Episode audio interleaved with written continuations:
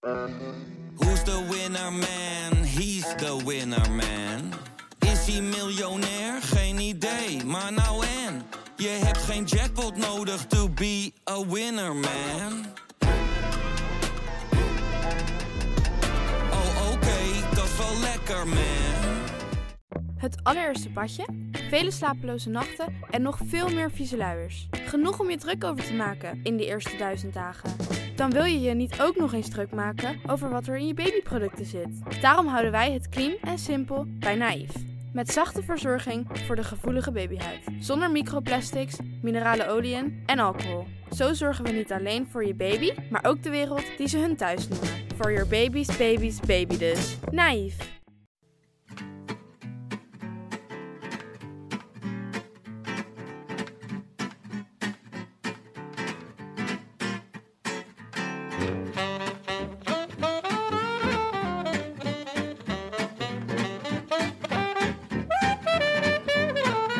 Het is zondagochtend 25 juli 2021 en in Tokio zijn ze er net achter gekomen dat er nog één iemand vooruit rijdt. Live vanuit de Dag en Nacht Studios is dit de Rode Lantaarn.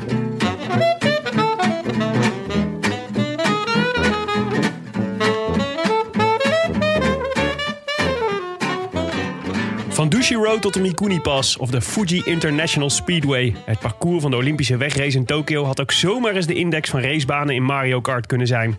Wario van dienst vandaag, Anna Kiesenhofer. Een Oostenrijkse amateur-wiskundige die zich vier jaar lang verstopte om met een snoodplannetje, een arsenaal aan thermometers en wat hulp van slapende bondscoaches en de tijdswaarneming vier oranje karretjes in de spreekwoordelijke Tawagoto reed. Een dag eerder was het Toad Carapaz die de Ecuadoriaanse harten verwarmde en zichzelf het goud mocht omhangen. Een tikkie pijnlijke herinnering aan het gesternte waaronder deze spelen plaatsvinden. Nog pijnlijker waren de woorden van ons Annemiek vandaag, net nadat ze juichend over de finish kwam. En die ongetwijfeld driftig werden genoteerd door de redactie van de Andere Tijden Sportspecial over Tokio 2021. Oh Ruud, ik had het mis. Oh, Ruud. Ik had, ik had het mis. Dacht je dat je Ja, ik, ja, we kregen niks door. I wish I could be in the south of France. In the south of France. Sitting right next to you.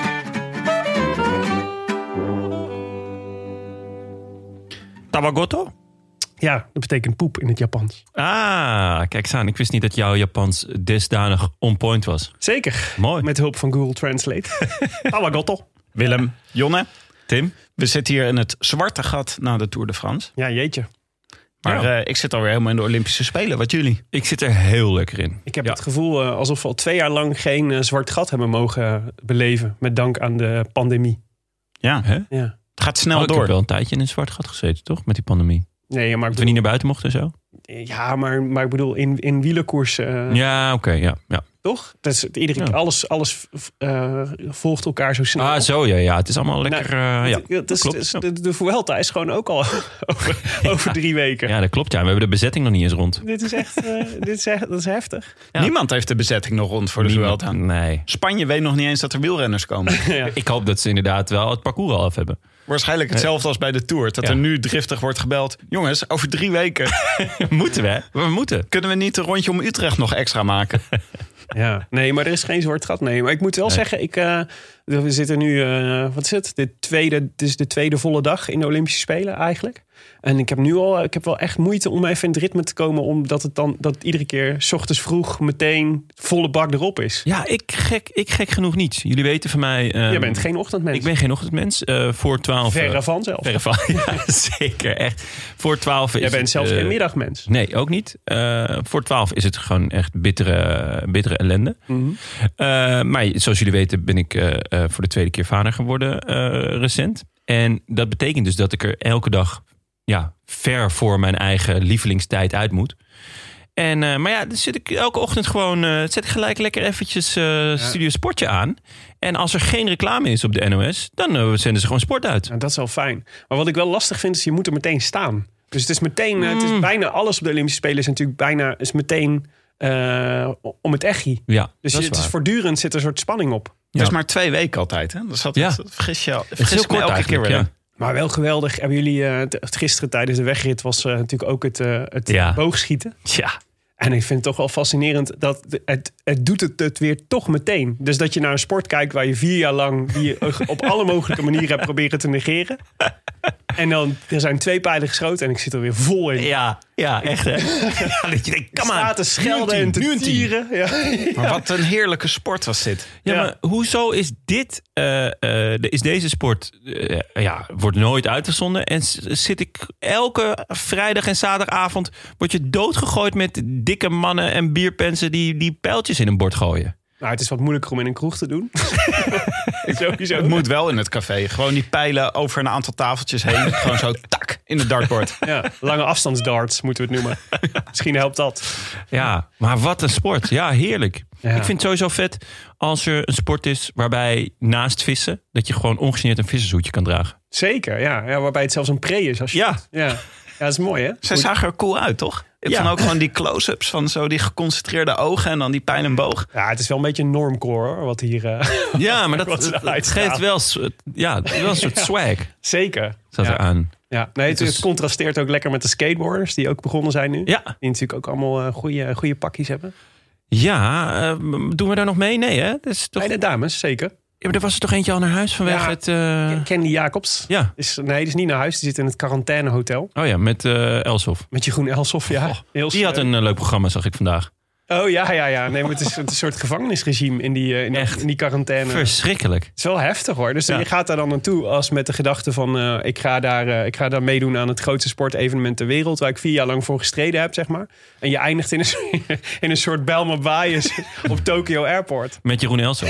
Ja, ja, ja, maar die, die je niet eens ziet. Je kunt hooguit zeg maar, kloppen op de buizen... om de verwarmingsbuis om contact met Jeroen Elsof te krijgen. Vet. En dat ze dan via, via hun een spiegelende dienblaadje elkaars gezicht nog kunnen. Ja, maar het is wel erg hoor, want het Olympisch dorp is wel een beetje bekend om de nachtelijke escapades van renners. En dan Ja. komen of van, Van renners, van ja, van atleten. atleten. Ja, dat is voor mij één pot nat. Mhm. Maar ehm, die- dit betekent dat ze een hele generatie topsporters gaan missen. Ja, Want er komen dus niet, Omdat er niet eh, geneukt wordt. Ja, Ja, dus gewoon- zeker. Ja, echt een zonde. probleem. Er zit allemaal in het quarantainehotel. Dus over, zeg, pakweg een jaar of twintig... denken we ineens, wat is iedereen slecht? Ja, dat dat komt hierdoor. een heel matige generatie krijgen. Omdat er niet allemaal superbaby's geboren worden. ja. Maar het was natuurlijk het geheime project van Pierre de Coubertin. Superbaby's. Dit. Maar we hebben heel veel te bespreken, merk Ja. ik wel. Maar laten we nog heel even... eh, want we gaan natuurlijk uitgebreid over de Olympische rit hebben. Ja. Maar er is nog meer gekoerst deze week. Nou, en hoe? In Wallonië? Ja, dat was, dat was ehm, ja, cirkel rond, hè? Eigenlijk. Ja, allebei twee. Groenewegen en Jacobsen voor het eerst weer echt tegen elkaar. Ja. En eh, ze wonnen allebei twee ritten. Nou, voor het eerst echt tegen elkaar. Ze sprinten niet tegen elkaar. Want Nee. het was elke keer als, als Ja. Groenewegen meedeed met de sprint... deed Jacobsen niet mee Ja. en andersom. Dat is Ja. toch sympathiek?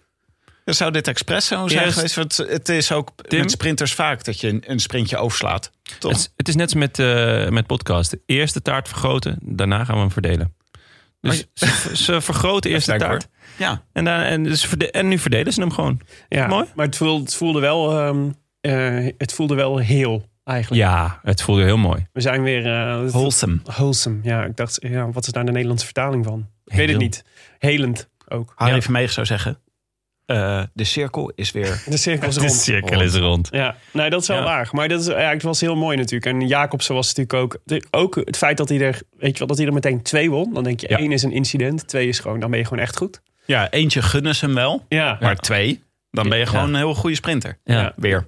Ja, dus voor het eerst dat ik ook echt weer het gevoel heb... dat die, die signalen waren er natuurlijk al langer. Maar ik denk, ja, er is echt geen enkele reden om te denken... dat deze jongen niet op topniveau gaat terugkeren. Nee, klopt. Nou, er, was, er was natuurlijk één spannend ding. Volgens mij was dat een, zijn stemband. Mhm. Eh, daar zat nog iets van fysiek malheur. En dan moesten ze kijken van hoe, hoe dat ging met trillingen, geloof ik.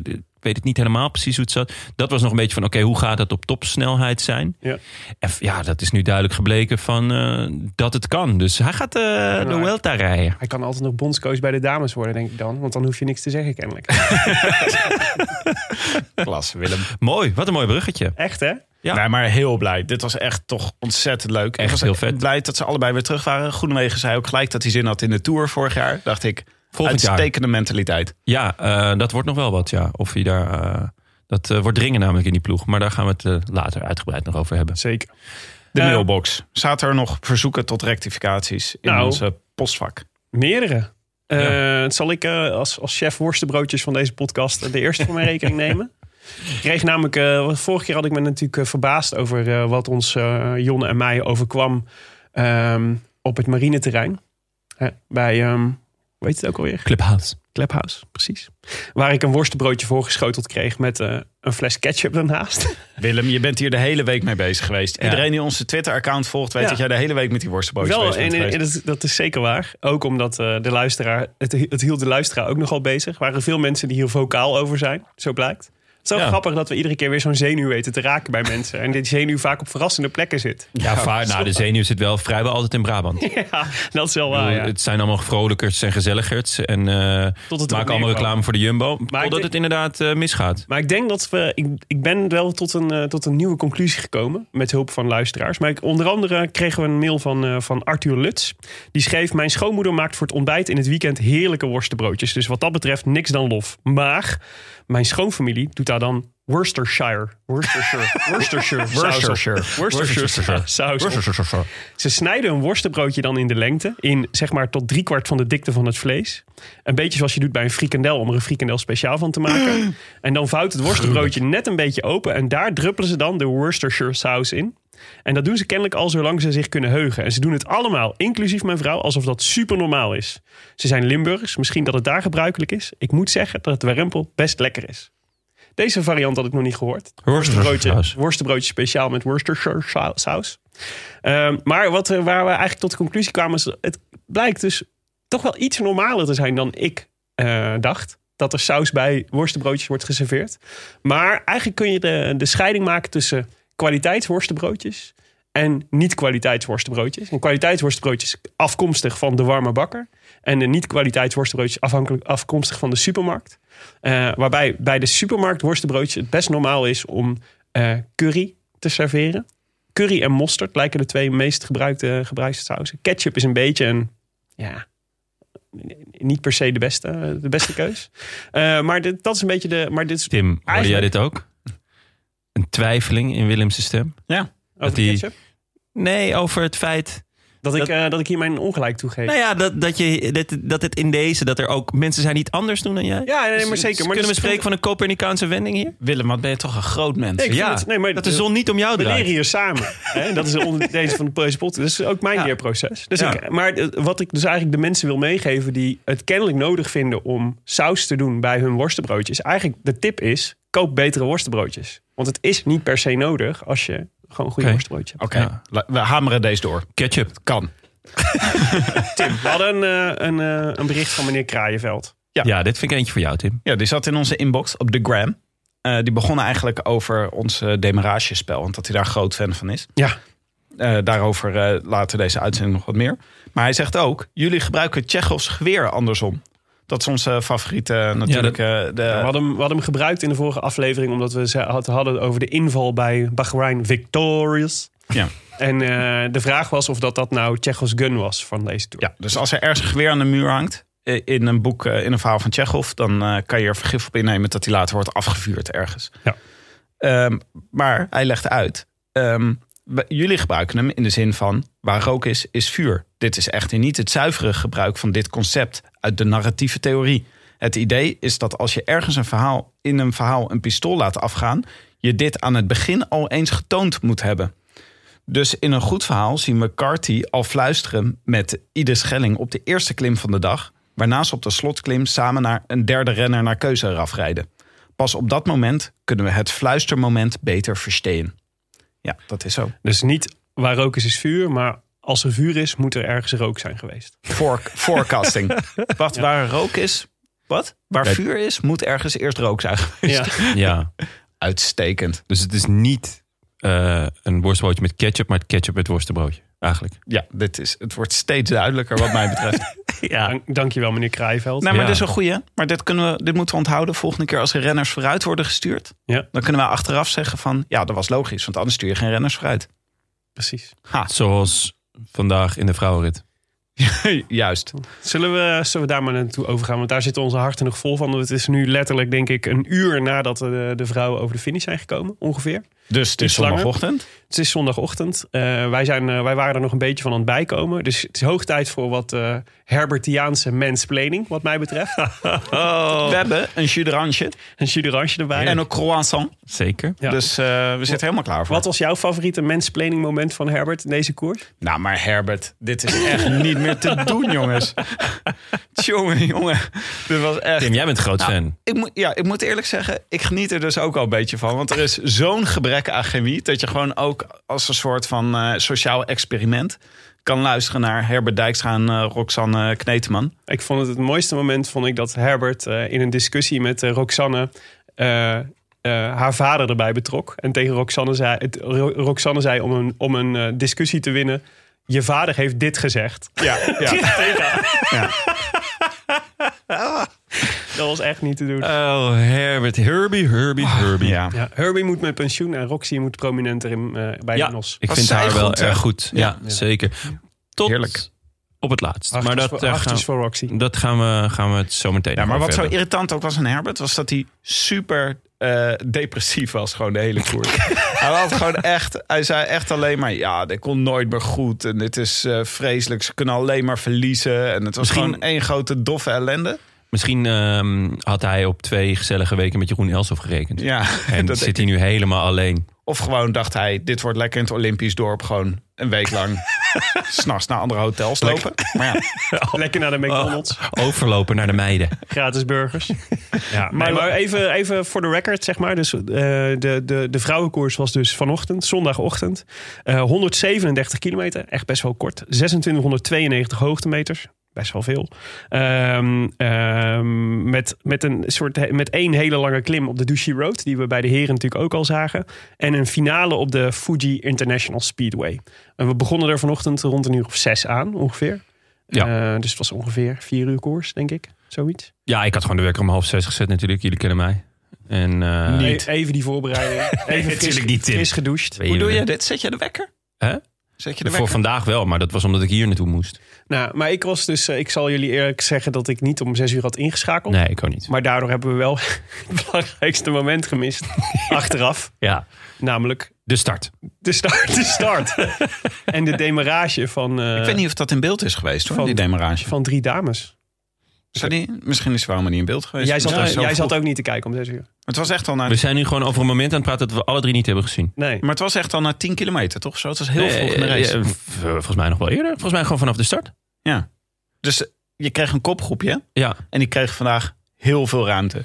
Maar dit is dus ook, volgens mij heeft dit ook met parcours te maken. nou ja, het heeft Dat natuurlijk... parcours is 137 kilometer. Ja. Er ontbreken twee beklimmingen die wel bij de man in, de, in het parcours Ja. zaten. Ja. Nou, dat was wel veel ruimte geweest om nog even wat tijd goed te maken op een kopgroepje. Het was Ja, best wel makkelijk. De, nou ja, niet het, de makkelijke kant van de niet- berg natuurlijk. Maar Het was was, niet het meest onderscheidende parcours, zeker als je het vergelijkt met de mannen. maar voor een ontsnapping Ehm, leent het zich wel goed, weet je. Als je, die, eh, als je, niet, eh, als je niet drie zware calls over moet. Mhm. Ja, nou ja, er zijn natuurlijk een aantal eh, facetten die, die, die in het voordeel van de ontsnapping spreken vooraf. De toch kleine ploegen. Eh, Nederland eh, had er vier. Volgens mij zijn er dan nog een aantal landen met vier, maar dat zijn er Dat is niet. maximaal. Ja, dat is maximaal. Dat is gewoon wel heel weinig. Ja. In totaal deden Frankrijk er... was bijvoorbeeld, had er maar één. Ja, ja. Die het Laboe. Eh, die wel veel in beeld was trouwens. Mhm. Maar volgens mij eh, 67 vrouwen in koers. Ja. Dat is gewoon überhaupt best weinig. Zeker als je, dan heb je ook nog best wel wat eenlingen. Nou, best wel wat semi-profs. Nou ja, daar wint er dan één van. Dat Veel, is veel uit het rechte rijtje. veel uit het rechte rijtje.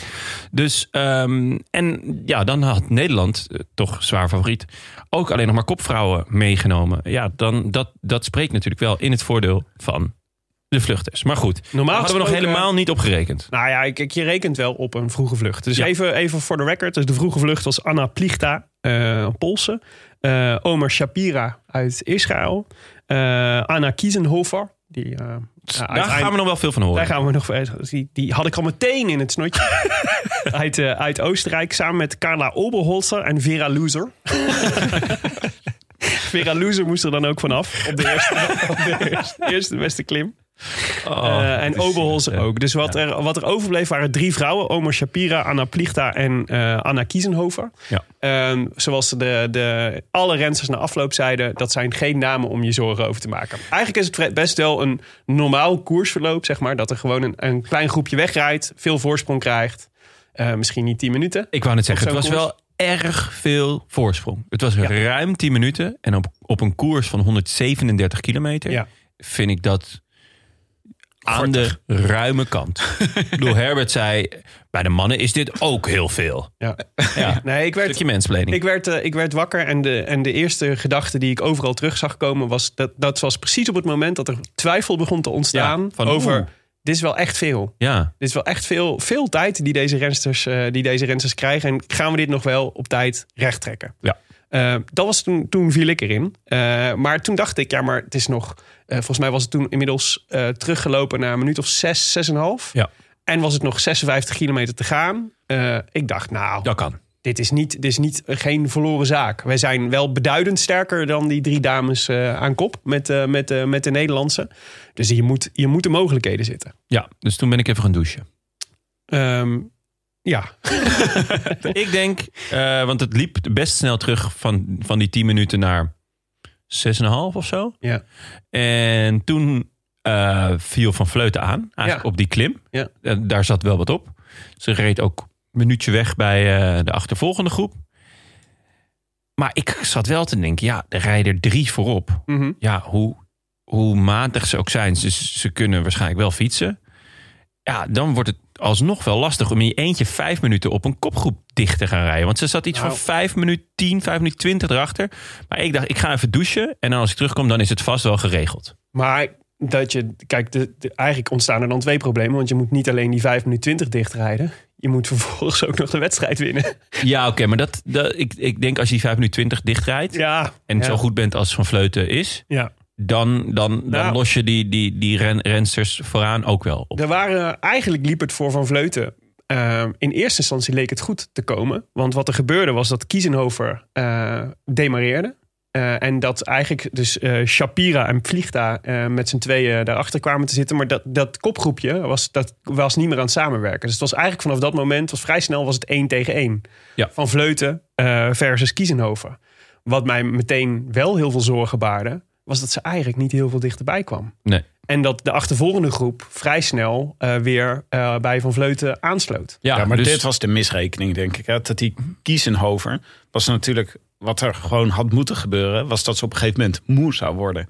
en dat er dan gewoon zo, zo, Ja, andere sluipenderwijs- twee gebeurde. Ja, gewoon dat er een half minuutje hier Ja. afgaat. Een half minuutje daar. Maar het gebeurde gewoon niet maar bij haar. Ze bleef gewoon maar gewoon doorbeuken. Ja. Ja. ja, ze reed stevig door. Ehm, ja, precies. De, wat, en wat er gebeurde was dat Van Vleuten reed, eh, werd dus bijgehaald. Dat Oh, was nog een heel Mag ik nog één ding daarover zeggen? Want Ja. er was wel een frappant moment. Er was dus op een gegeven moment... reed de motor reed naast Van Vleuten. Mhm. En waardoor je Van Vleuten kon horen praten met de ploegleiderswagen. Ja. En toen was het de situatie dat ik geloof dat ze 5 minuten 10 eh, achter Kiesnover reed. Ja. En 1 minuut 50 voor het gro- groepje. Maar dat leidde tot een totale spraakverwarring. Want ze, hebben, ze rijden dus zonder oortjes. Dit was een Tsjecho- Tsjechovs gun. Dit was, dit was de smoking Nou, gun, was dit. Ja, zeg. Ja, want eh, hier, zei, eh, eh, hier zei dus eh, de ploeg, ploegleiderswagen zijn van... Ja, 15, 15. Ja, was het de ploegleiderswagen of was het de motor? Weet, weet ik niet meer uit mijn hoofd. Maar in ieder geval, het was gewoon, het waaide hard. Het Ja. was moeilijk te verstaan. Ja. En Er was verwarring. Van Vleuten begreep niet of ze het hadden over de tijd naar de kopgroep... of de tijd die ze had op de achtervolgers. Dus het was één grote verwarring. En Ja. toen dacht ik al een beetje, oh wat grappig. Dit geeft een grappige dynamiek. Ja, en als het met de motor was, dan was het waarschijnlijk ook in het Japans. Dus dan is het ja, Ja, sowieso eh, lastig. is onhandig. Ja. Mhm. Dus Maar goed, dit, eh, dit was- gebeurde al. Je zag al van, dit is onhandig met die tijdsnotering. Ja, dit was al Tawagotto eigenlijk. Ja, zeer Tamagotto. Ja, nee, maar dus die groep van, van Vleuten, daar kwamen, daar kwamen op een gegeven moment eh, eh, twintig dames bij. Eh, en dat was, nou ja, de, de- nou ja, ze haalden gewoon van Vleut eigenlijk weer bij, toch? ja maar die- wat ik wil zeggen, is die groep was eigenlijk heel klein nog, die overbleef. Dus Ja. het peloton was al klein, Ja. eh, want om to begin with, zeg maar. Maar, de, maar eh, de, de koers was natuurlijk ook nog best wel hard. Dus je zag dat het, dat het groepje wat overbleef klein was. En dat het dus ook betekent dat er relatief weinig mensen zijn eh, die het werk kunnen doen. De- dus, Ja, dus- er was natuurlijk ook maar één ploeg waar naar werd gekeken. Ja, En, en terecht. Ik Ja. bedoel, eh, Nederland was gedoodverfd favoriet om 1, 2 en 3 te worden. en vier eigenlijk. En 4. Dus ik snap gewoon echt wel heel goed dat... ehm, dat Alle andere ploegen Alle andere ploegen, maar, ja, ja. lossen jullie het maar op. En eh, als jullie dat niet doen, ja, nou ja, dan niet. Maar als wij het gaan doen, dan, dan winnen jullie sowieso. ja. Dus En Ja. Nederland reed eigenlijk alleen georganiseerd op de klimmetjes. Hè? Dus Ja. op de andere ja, gedeeltes en in de laatste paar gaan. kilometer. Ja, maar ze hadden dus precies. Dus ze hadden gezegd. ehm, dus dat was de afspraak van tevoren. Dus we gaan de koers hard maken op die klimmen. Zeg maar, daar moeten we, daar moeten we zorgen dat we het eh, dat we verschil maken.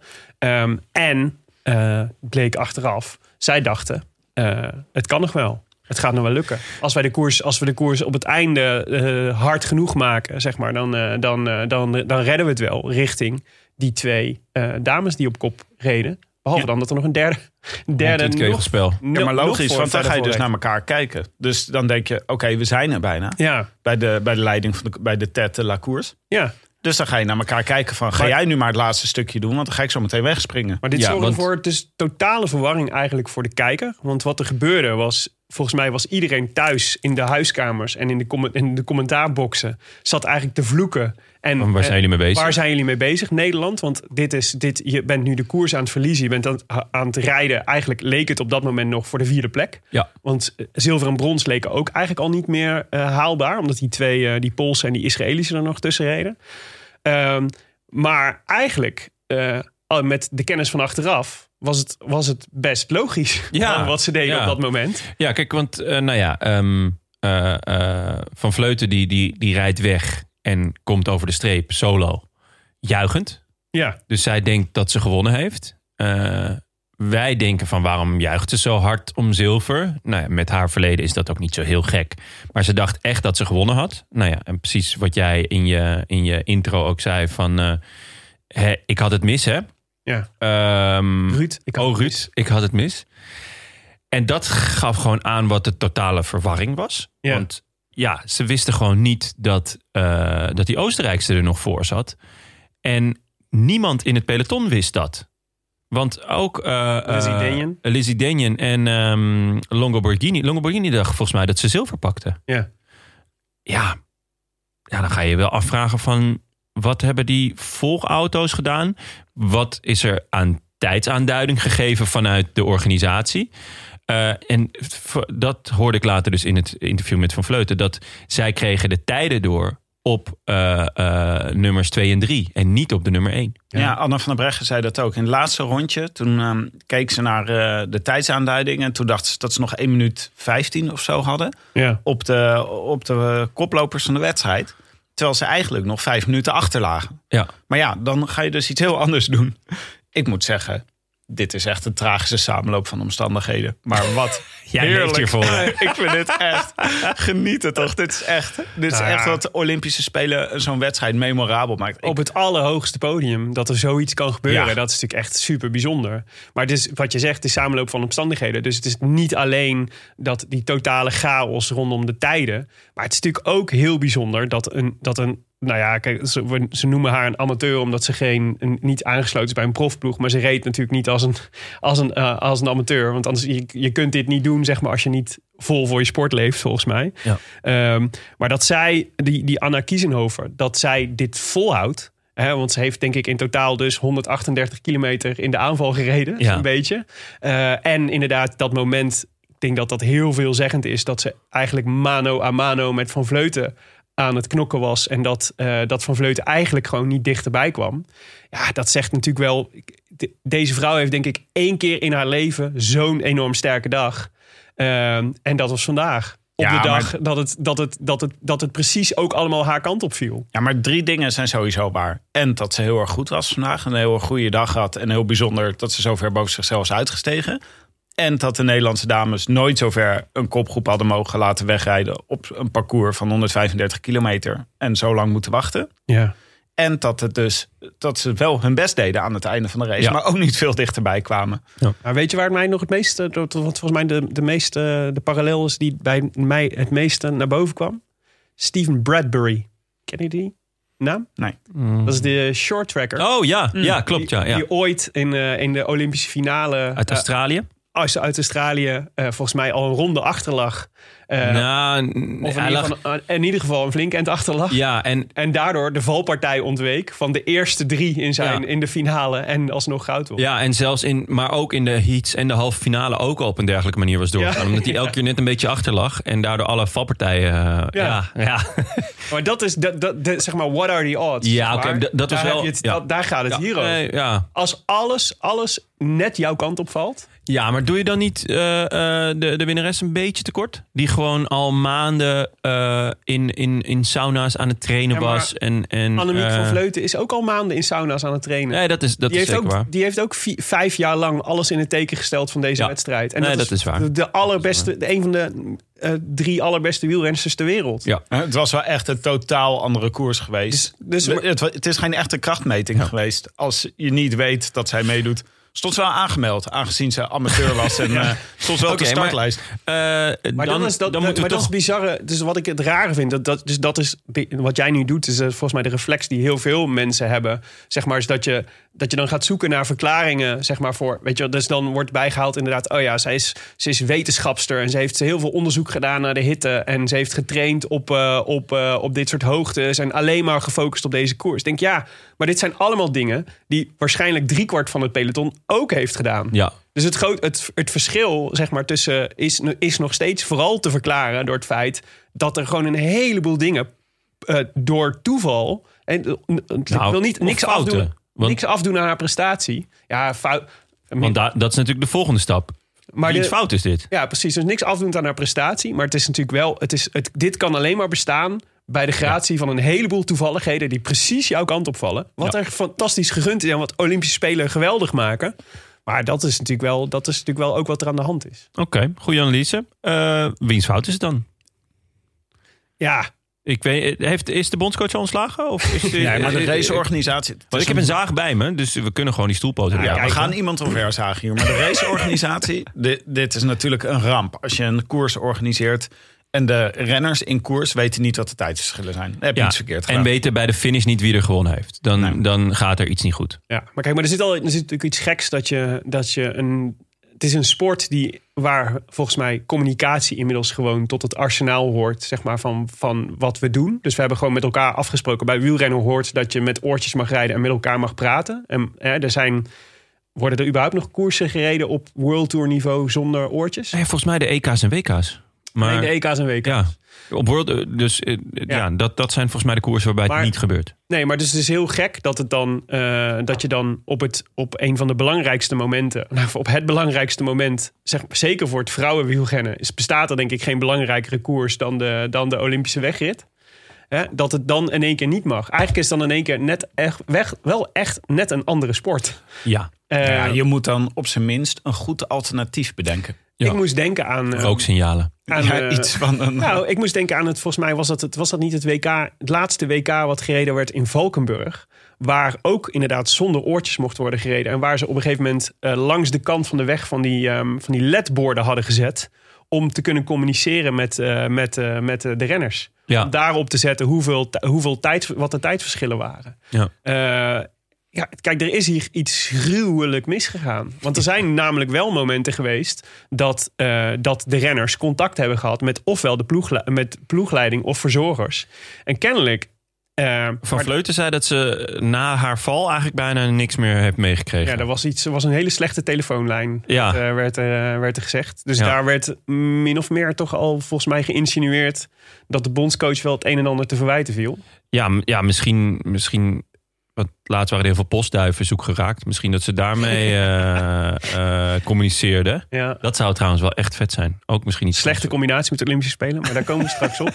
Maar ik vind, er- wat ik er wel mooi aan vind, in het, als het, deze race een verhaal is, is dat je al tijdens de koers, dat bijna iedereen tegen elkaar zei, er klopt iets niet. Wat is hier aan de hand? Ja. Waarom Ja. rijden ze niet? Waarom organiseren ze niet? Waarom vallen ze de hele tijd stil? Ja. Roxane Kneteman zei een paar keer van, nou, ik ben wel heel benieuwd wat ze na afloop gaan zeggen. Want het is wel een beetje gek Ja. wat hier Ja, gebeurt. ze hebben de, het- er werden allerlei verklaringen gezocht. Ze hebben de benen niet. eh, ze ze haten elkaar. ja, ja, Ze- precies. de, de hitte heeft, eh, speelt hier een, op. Maar je voelde aan alles dat ze echt aan het zoeken waren. Nou, wat is nou... Want het, Ja. voelde steeds niet sluitend. Roxane was aan het, aan het zoeken en Herbert die legde alles uit. Maar een, dat was de geweldige, maar een geweldige ontknoping. Ik bedoel, als dit een verhaal is, dan is het natuurlijk fantastisch dat als dit, dit gebeurt Ja. en wij allemaal zoeken naar redenen, wij kunnen het allemaal niet bedenken. Nee.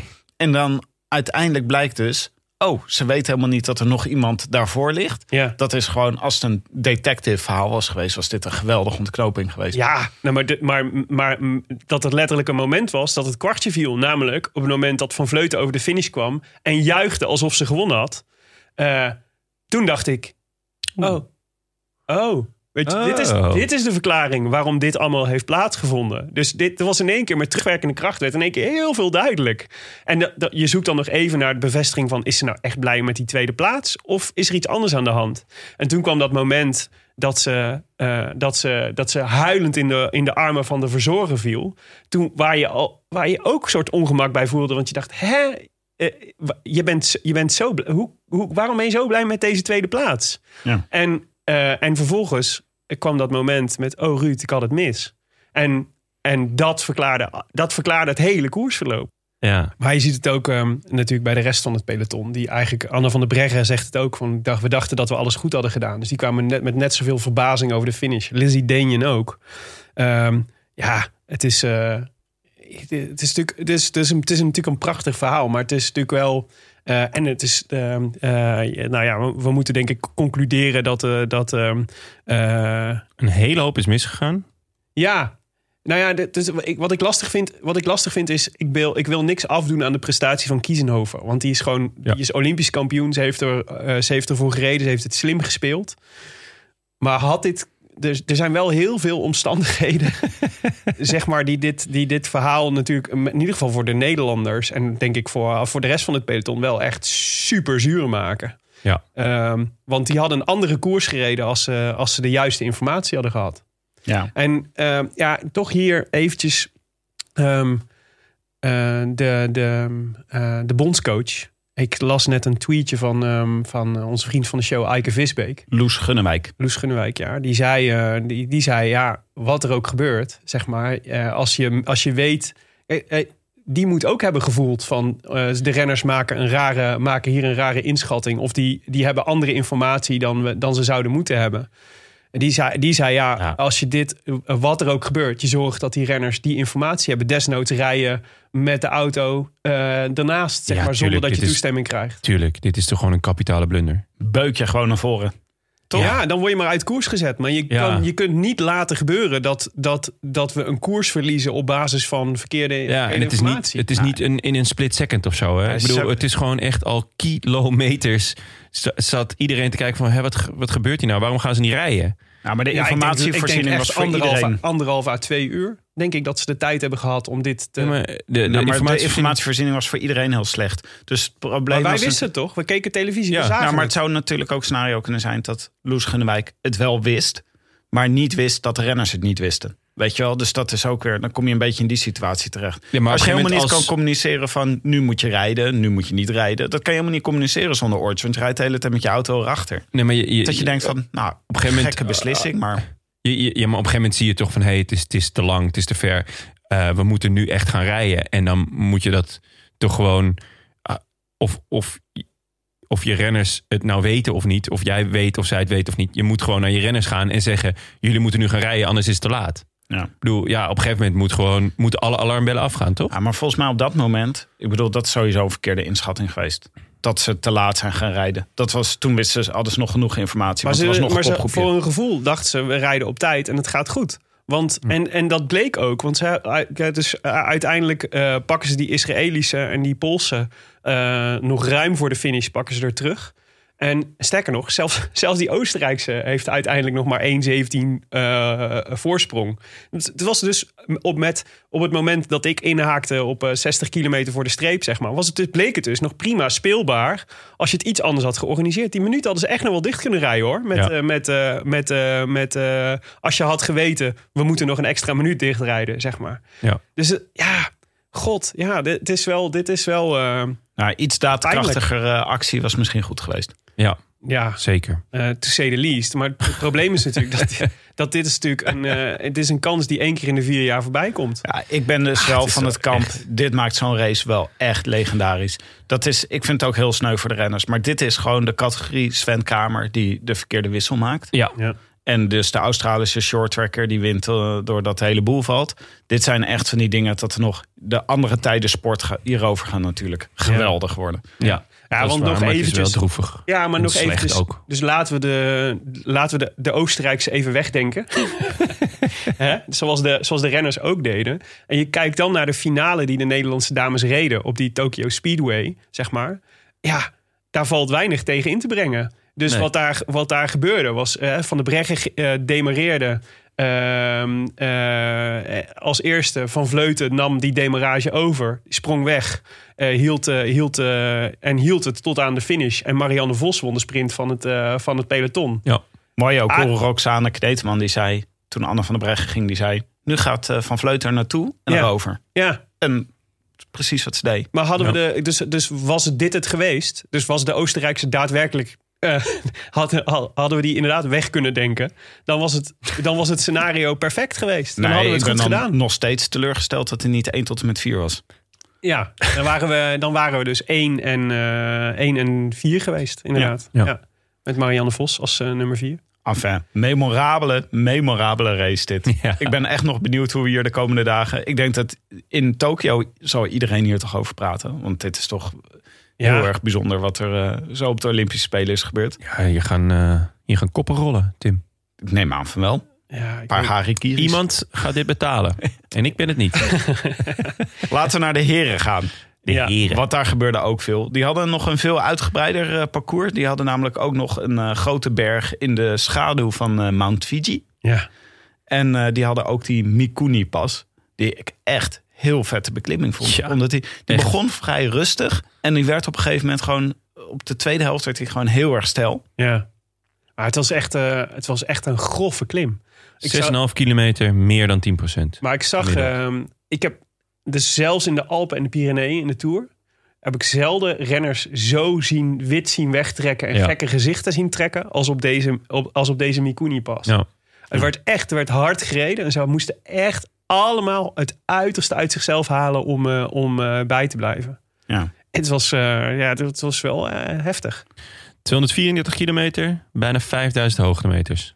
Ja. Dat, was, dat was meer dan in de Koninginnenrit. Het nog niet helemaal duidelijk welke rit dat was in de afgelopen tour. Maar meer dan gewoon... Ja, het was de zwaarste rit in de Tour geweest. Ja, deze hadden. inderdaad. Ja. En ik vind die eh, Fuji International Speedway, waarop gefinished werd, vind ik ook heel erg vet. Want dat zag eruit. Dus als een verlater Formule 1 circuit, Ja. dat kan, daar kan je of een Quentin Tarantino film laten afspelen. Of je laat er een Olympische wegrit wielrennen finishen. Er was in ieder geval genoeg ruimte. Mocht het een massasprint zijn geworden, Ja, was er meer dan genoeg ruimte. Het was echt veilig. Had het hele peloton naast elkaar. Had, had, had Iedereen zijn eigen kunnen pakken. dat was vet geweest. Ja.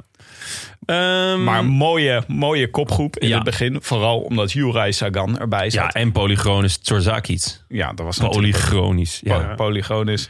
Maar het was, Allemaal eh, renners uit het rechte rijtje. ja, zou je kunnen zeggen, ja.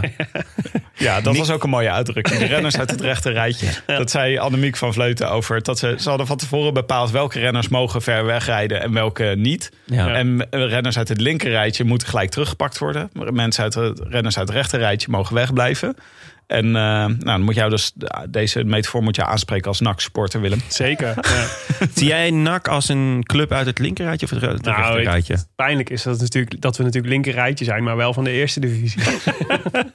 Maar dit was duidelijk, deze kopgroep, die maar liefst 20 minuten voorsprong kreeg, was duidelijk het rechter rijtje. Ja, Juraj Sagan was de bekendste.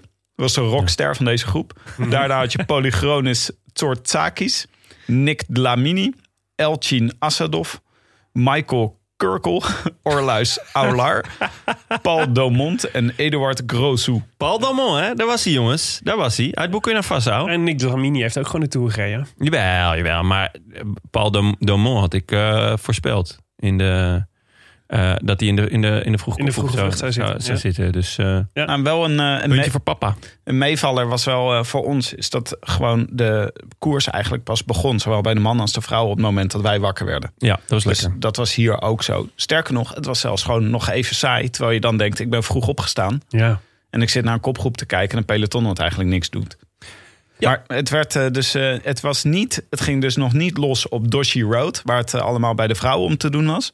Maar het ging los op de, eh, eigenlijk op de Fuji Sanroku. Dus Ja. eh, die eh, subberg van eh, Mount Fuji. Mooi moment daarvoor toch, dat eh Greg van Avermaat eh, als soort Tim de Klerk in het peloton eh, aan het, aan, aan- op de kop aan het rijden Nou, was. dit had dus een van de vrouwen vandaag bij Nederland moeten doen. Maar het is Van Ja, Avermaat, die, die, reed, die zorgde gewoon dat die kopgroep teruggepakt werd. ja. Ja, Maar, dus, dus maar de- wel een rare keus toch? Om Greg daarvoor te offeren. Eh, om dat te doen. Om, maar dan had je me niet mee, überhaupt niet mee hoeven nemen. Anders. Hmm, ja, ja ik, ik heb een beetje mijn vraagtekens bij de tactiek van België. Maar ehm, Ja, daar komen we zo wel op. Maar Ja. dat, wat er in ieder geval mooi aan was, vond ik. Dus hier rijdt de Olympisch kampioen, die niet te beroerd is om, Ja. om zijn eigen kansen te offeren. nee, vet. Voor de kansen van Van Aert. Want het was vet. overduidelijk natuurlijk dat de Belgen daar... eh, Of God, hè? God was ook, eh, was, was ook een goede keuze. ja, precies. Nou ja, Greg, dit was natuurlijk ook een, eh, een beeldschoon moment in de zin van oude generatie, nieuwe generatie. Ja. Dus eh, van- Laatste koers met de gouden helm. ja, Greg van Avermaat, dus die zich opoffert voor, eh voor ja, Wout van gek Aert. genoeg, Valverde loste daar ook op Ja. een beetje een rare manier. Ja. Ging gewoon een beetje aan de zijkant rijden en deed het even rustig aan.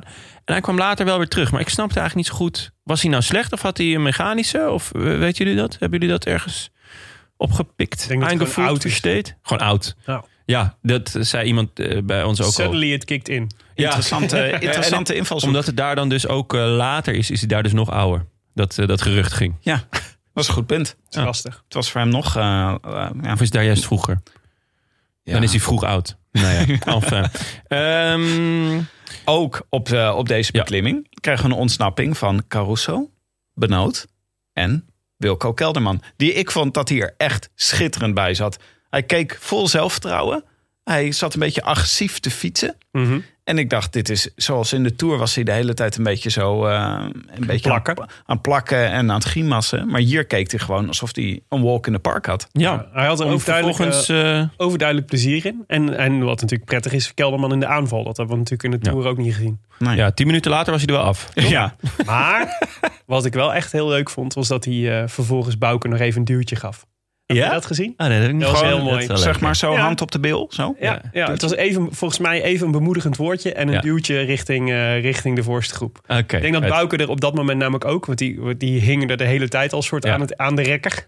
Ja. En, eh, en die had het even zwaar. Dus het zou zomaar eens het beslissende duwtje kunnen Het zijn eh, eh, Daniel Felipe Martinez momentje. Ja, ja, Kom maar dan! Ja. Ja. Rij je Ik met je had- kut! Ik had, graag, ik had graag gehoord wat hij had, eh, wat, Ja. wat hij had gezegd. Ja, misschien Nou, kunnen we het hem ooit vragen. Ik denk dat hij zei, kom op hè Bouke. En dat Bouke toen zei, poeh. Ja.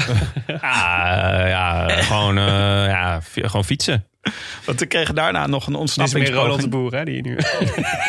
Geef ik eerlijk toe. Ik heb eigenlijk maar één imitatie. Altijd, ik doe eigenlijk altijd Ronald de Boer. En dan een hele tijd niks. En dan Henk ten Kaat. Oh, nou misschien moet je die Ik heb, een hele, ik heb een hele goede Henk ten Kaat in. Godsamme, ja, zeg dat wel. Eh, maar toen kreeg ik nog een, nog een ontsnapping met eh, Dunbar. Nibali en God. en. Eddie, Oh, je bedoelt... ja, Eddie Evenemerks. Oh, die bedoel je met Ja, God? ja. Ah, oké, ja. Eddie Evenemerks. Ja, Nou ja, dat, ik vond Ja, toch... je gaat dan wel meteen aan, toch? Als Evenepoel demareert, dan denk je wel... eh, dan, want we hebben wel eens eerder nummertjes van hem gezien... waarin hij gewoon eh, wegrijdt en we, we hem niet meer terugzien. ja, maar dat was nooit tegen de wereldtop, hè? Nee, maar toch. Maar je, je let wel op. Als Evenepoel Zeker. demareert, dan Als denk je wel... Oké, nu is het koers wel begonnen. Ja, ik dacht, toen Nibali er ook bij zat, dacht ik... Nou, dit is niet een goede ontsnapping. Es waar, man. Het is waar duidelijk Nou. al jaren eenmaal. Waar ik... eh, wat ik een teken vond, was dat Eddie Dunbar redelijk makkelijk kon volgen.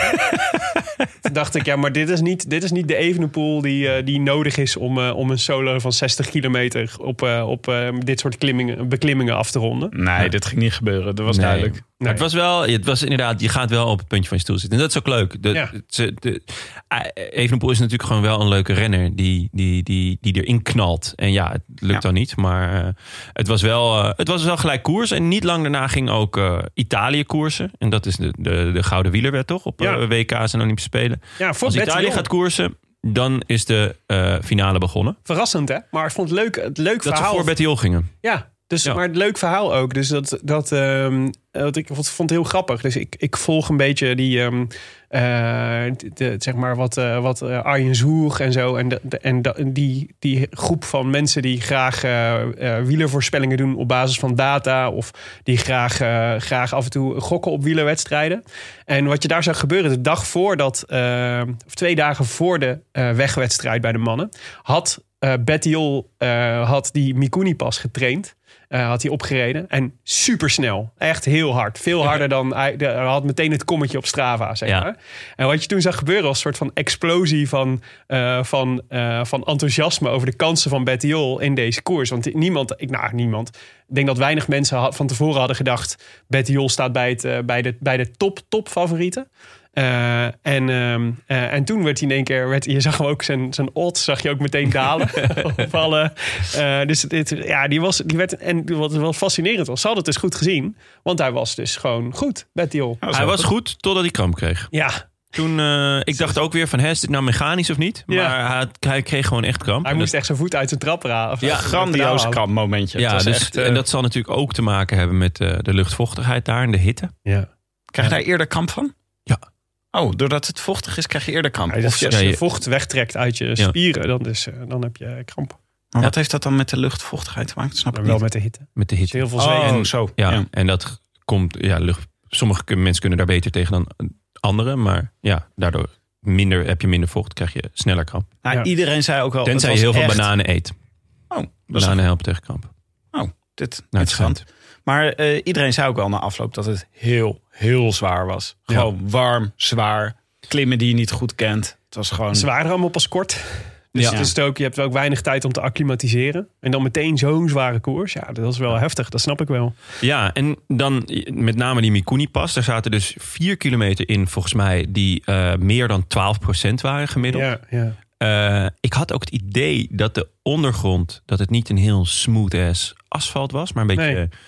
Ja, kleine nopjes of zo. Dus ze reden ook vaak in het gootje, zag ik. ja. Eh, En ik had ook het idee dat hij af en toe echt wel iets steiler was nog dan 12 procent. Ja, ja, want het, dat was gemiddeld, hè, natuurlijk, Ja. die, die stukken. Dus er zaten ook gewoon wel eh, flinke, steilere stukken bij. Eh, Poggy Ja, en Tim, dat moet jou, jij toch enorm hebben kunnen bekoren. McNuddy? McNuddy, die was goed. Ja. Ongelooflijk. Die zat Zeker. in meerdere ontsnappingen zat hij mee. Maar wat er gebeurde op die Mikuni pas was dat eerst zagen we de Slovenen, die waren sowieso stoer aan het doen, zegt dit, eh, deze Olympische Terecht Spelen. ook wel, toch? Maar Tratnik, die heeft echt heel lang aan kop gereden. En die heeft echt, op, Echt een op een beest, gegeven moment op slopen gezet, de Ja. boel. ja. En eh, dat deed hij zeer efficiënt. Ja. Maar de Slovenen vallen gewoon ook heel erg op in het peloton. Maar Tratnik, die begon dus die Mikuni pas. eh, die was al een tijdje op kop aan het rijden. Maar begon de Mikuni pas nou ja, op, in sloopmodus. Een heleboel renners vlogen eraf. En op een gegeven moment zagen we Pogacar McNuddy. aangaan. En McNuddy en Michael Woods meekrijgen. Ja. Eclectisch gezelschap, Nou, vond ik. Ja, maar wat, kijk, wat interessant is, is dat volgens mij even. even eh, op dat moment moet je eigenlijk op twee, met twee brillen naar deze koers kijken, vind ik. Bij, dus bij WK's is dat ook altijd zo. Dus je hebt natuurlijk die landenteams, maar je hebt ook de ploegenteams. Ja. En als je, en, en dat is wat ingewikkeld is, normaal gesproken zie je wie, wie bij wie rijdt. Eh, Maar dat, eh, want bijvoorbeeld bij WK's viel me ook op. Bij WK's en EK's hebben ze altijd de broek van de ploeg nog aan. Hè? Dus de, oh ja. en, Ja, dat, is waar, en dat is wat interessant en wat makkelijk is daaraan. En vaak ook de helm, weet je wel, dat soort Ja. dingen. Is wat makkelijk is daaraan, is dat je altijd nog kunt zien. Oh ja, die zit bij die ploeg. Of Ja. je hebt een soort extra aanknopingspunt van. Oh, dat, was, dat is die renner. Eh, maar hier moet je eigenlijk zelf voortdurend bedenken. Eh, niet alleen bij welk land rijdt hij, want dan zie je allemaal eenlingen voornamelijk. Maar ook welke ploeg rijdt hij. Eh, dus het is interessant om te weten als er een kopgroep is met Poga eh, en McNulty. Is dat die net samen de Tour hebben gereden, gewonnen hebben. En dat McNulty een hele belangrijke knecht, knecht is voor, eh voor Pogacar. En daarnaast is het natuurlijk nog belangrijk om te weten of er nog iemand vijf minuten daarvoor rijdt. Ja, Dat is ook, dat is, is ook nog, dat wil ik ook nog even gezegd. ja. dus eh Juraj Sagan reed op dat moment een kwartier voor, voor de rest van de groep. Maar ook, de, ook de organisatie is vergeten dat hij, dat, dat hij daar reed. Ehm, ja, eclectisch gezelschap inderdaad. Maar inderdaad, McNuddy en Poggy, eh, Ja. dat, zijn, die, dat zijn natuurlijk wel boys. Maar ik dacht heel even... dat- sorry. Nee, ja, Nou, maar ik dacht heel even, hier is het gewoon ged- gedaan. Dus Pogacar is weer bergop zoveel beter dan de rest. Die rijdt de hele boel, naar de Galamise op die Mikuni-pas. Ja. Op het steile gedeelte.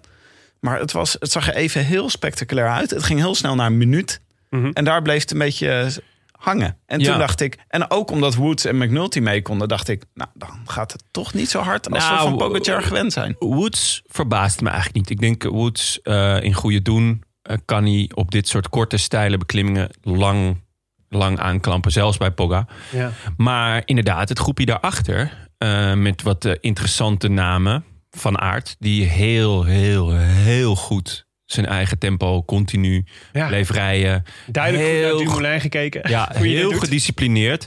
Maar eh, dan gaan we het zo meteen graag over, even over de tactiek van België hebben. Maar goed, om even nog aan te geven wie erachter zaten. Bettiol, nou, hebben we het net over gehad, supersterk. Kwiatkowski, supergevaarlijke outsider... die eigenlijk weer voor zichzelf mocht koersen, Heel van leuk. genoten. Oeran, beetje raar, die loste, kwam er weer bij. Zelfde god eigenlijk voor Mollema en Schachman. Eh Godu. Een Yates. Het was heel lang onduidelijk welke Yates. Weten we nog steeds niet helemaal. Nee. We gokken Sean Yates. Ja. Maar ehm, het, naar het schijnt dat Adam, Alfred was het. Adam heeft uiteindelijk eh, de, ne- de nummer 9 gekregen. Eh, Billy Carapaz en Vlugeltje. Ja. Die eh, ook een beetje aan het jojoen was. Ehm, van Aert was na het wegvallen van Evenepoel natuurlijk de kopman. Ja. Ehm Benoot ging op kop stoempen. Mhm. Eigenlijk nog voordat Pogacar wegreed, volgens mij. Deed hij goed, eh Benoot. Die was goed, blijkbaar. Ja en nee. Oh. Want ik snap dit tactisch gezien niet helemaal. Eh, tuurlijk kan je zeggen, oké, we gaan tempo rijden voor Van Aert. Ik hou een tempo aan dat hij kan volgen. En dan hoop ik dat we op die manier de, de, de, de Mikuni-pas overkomen. Maar Van Aert in deze groep was de enige die baat had erbij dat het bij elkaar bleef. Dus hij was de enige met een sprint. Dus als ze over die Mikuni-pas komen, is hij daarna eigenlijk gewoon aangeschoten wild. Want je bent met 20 toprenners die om de beurt gaan demereren. Wat uiteindelijk ook gebeurt. Ja. Dus wat Van Aert ontbeerde in de finale... was gewoon iemand eh, die met hem mee die Mikuni-pas overging. Een type Ties Benoot. Een type Ties Benoot of iemand die eigenlijk nog beter in vorm was. Maar ik Een snap God. een type God had ook gekund als hij niet een kansloze aanval had gedaan. Of iemand die überhaupt niet is geselecteerd, maar misschien weten ze niet dat dat een Belg is, omdat niemand hem verstaat. En dat is Dylan Teuns. Ja. Ik ben absoluut geen fan, maar hij was echt murdergoed in de Tour. Je laat hem thuis, je neemt Van Zevenand mee, ook heel vet. Eh, maar eh, had je ook De best metronoom. de metronoom. Tik, tok, tik, tok. Hij ging heerlijk heen en weer. Was schitterend. Maar die gingen ze ook weer allemaal werk laten doen. Dat ik denk, oké België, je neemt het nu wel enorm in handen. Ja. Was niet helemaal nodig, want die kopgroep was toch al teruggepakt. Ga dan rijden voor eh, Van Aert. En zorg dat je met z'n tweeën die pas overkomt. Want als er, als er één iemand met hem mee was op die Mikuni-pas... Ja. dan had die gewoon tempo kunnen gaan rijden. En dan eh, wint Van Aert gewoon de sprint. Hij was nu gewoon echt, ondanks dat hij met afstand de sterkste man in koers was... Ja. eh, was hij aangeschoten wild. Ja, het ieder- was- iedereen wist het. Iedereen wist dat Ja. hij de sterkste was. Ja, het Ja. was met z'n allen tegen Van Aert. En Ja. Dat is wel dat is ontzettend moeilijk, want je, volgens, mij, volgens mij is het, on- het... Elke aanval kijkt iedereen naar Van Aert. Ja. Dus dat gebeurde ook met de, met de Belgische ploeg. Ze gingen ook volgens mij op sommige momenten gingen ze gewoon rijden, omdat het anders stilviel.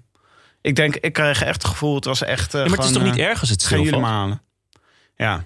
Je moet- Kijk. ja. ja, je moet heel erg, je moet heel erg je, hoe noem je dat? Je moet heel erg eh, rustig blijven. Je moet heel erg je nerves houden. Ja, dat, maar, is, een- dat is een moeilijke denk ik voor de Belgische ploeg. En je bent maar met z'n vieren. Dus eh, Vijf, vijf. vijf. Maar- ja, waren met vijf. Maar, is- dan nog is het denk ik toch gewoon waardevoller voor jou als Belgische ploeg om met Benoot en eigenlijk ook met eh Eddie Evenemerks over de Mikuni-pas te komen. Ja. Eh, het, zodat je Van Aert of terug kan brengen. Weet je wel, als het verschil klein is, kan je dat nog terugbrengen. Of eh, dat, je, dat je kan neutraliseren. Nu gingen ze dus op kop stoempen. Ja, en uiteindelijk is Benoot weg. Eh Greg was, hadden ze dus al heel vroeg geofferd Ja. Evenemerks, ja, die aanval kan je je dus afvragen. Heb je daar nou wel zo goed aan gedaan? Want hij moest niet lang daarna lossen. En eh, Van Zevenand hebben ze ook op kop gezet. Dus Nou, maar weet je wat? Ik denk, ik denk dat het als volgt is gegaan. Ik denk dat ze gewoon wisten dat Van Aert de enige ging zijn in de ploeg die echt op die Mikuni pas mee zou kunnen. En dat ze daarom eh, geprobeerd hebben in het begin iets te forceren... zodat andere ploegen ook gingen rijden. Dus Evenepoel is gaan rijden, gaan demareren... om te zorgen om ook andere landen op kop te dwingen. Ja. En, en, en ik gok dat Ties Benoot gewoon net niet goed genoeg is... om helemaal mee te kunnen op die Mikuni pas. Oké, maar dan vind ik het wel opvallend dat ehm, Dylan Teuns niet is geselecteerd. Ja, volgens Ja. mij was je daarin de enige niet. Want dat was volgens mij bij ieder... Vooral omdat Ties natuurlijk niet per se een best, de beste Tour heeft gereden. Nee, ik vond hem wel goed hoor gisteren, laat dat voorop staan. Maar eh, Teuns wordt zeventiende en dat is omdat hij één keer moest lossen Mhm. eh, in de Tour. En hij wint gewoon een etappe volgens mij. Ja. Ja, eh, Ja, zeker.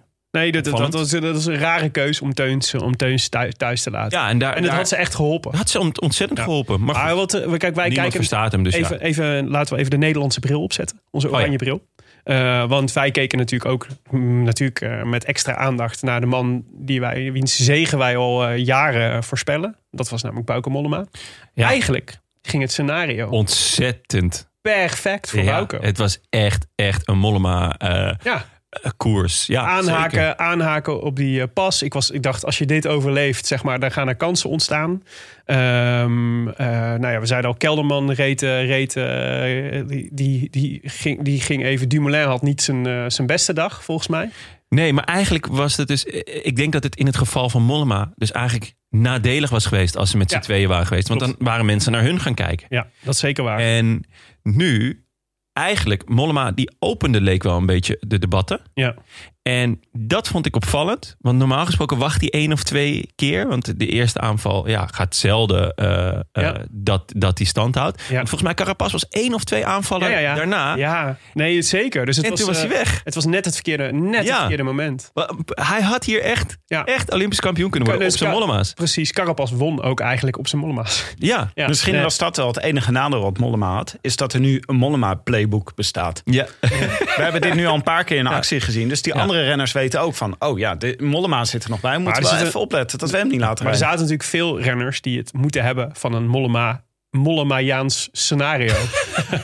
Eh, dat, was, dat maakt het hier ingewikkeld. Wat interessant was, vond ik aan die... Want we hadden het net al over de, de ploegentactiek. Overigens even Van Baarle reed ook echt een dijk van een koers, vond Zeker. ik. Echt, eh, echt heel lang, heel sterk vooraan. Het is langer dan Kelderman, of langer dan Kelderman en Dumoulin. Heel benieuwd naar wat hij kan in de tijdrit. Ja, eens. Ehm, maar dus wat wel interessant is om wederom eventjes naar, met, de, met de ploegenbril te kijken naar deze kopgroep. Want dan zie je dat er eigenlijk twee ploegen waren met, eh, met twee man. Dus Ineos had Carapaz en Kwiatkowski.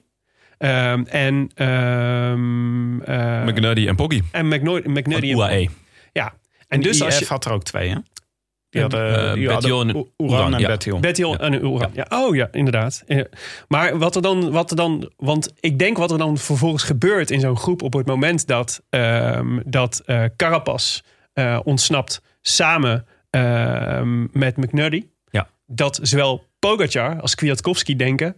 oké, Ik ga could have been worse. Ja, nee, ja zeker, zeker bij Pogacar zag je dat. En dat is natuurlijk dat is een Ehm. luxe die natuurlijk niemand anders... behalve Uran en Bettiol in die kopgroep hebben. Ja, klopt. En, want ook qua landen was het allemaal, allemaal eenlingen. Ja, Eh, maar nee, je zag het ook wel aan eh, Pogga. Die, Ja. die had best wel veel eh, over nog. Dat zie je ook in de sprint. Die dacht, ja, ik ga, ik ga niet achter mijn ploeggenoot aanrijden... die me net enorm heeft geholpen om de Tour te winnen. Nee, Nee. dat was duidelijk. En dat is, dat is, wel, dat is wel beslissend. Dus ook in zo'n koers is het dus ook beslissend bij wie je, bij wie je in de ploeg eh, bij wie je nog meer in de ploeg hebt zitten. Zeker. ik denk dat precies is wat je zegt. Could have been worse. Ja. Want ik denk niet, kan me niet voorstellen dat je op zo'n moment denkt... dit is ideaal. Nee, Zo, zo erg spelen die ploegbelangen nou ook weer niet. Want je wil het liefst dat je land wint. Ja. Maar in de hiërarchie staan wel de ploegen, zeg maar... ja. met Net stip op de tweede plek. Ja. Dus ze Ja. zeggen van, nou ja, oké, als het zo moet... Nou ja, je hebt best, het, is best, het lijkt me best kloten als je iemand eh, een geheide gouden medaille door de neus boort. Eh, omdat jij er achteraan gaat rijden terwijl die bij jou in de ploeg zit. Zeg. ja, en dat je de volgende maand nog op kantoor eh, bij het koffie, koffiezetapparaat van... Goh, eh, hoe was jouw weekend? Nu zijn we weer bij Is elkaar, dat hè? nou een zilver of een gouden medaille? Col, je had echt kunnen winnen volgens mij. Zoals, zoals Roglic en Van Aert nog steeds alleen maar met, eh, met eh, armen over elkaar met elkaar praten. Zeker, ja. Elleboogje bij het net.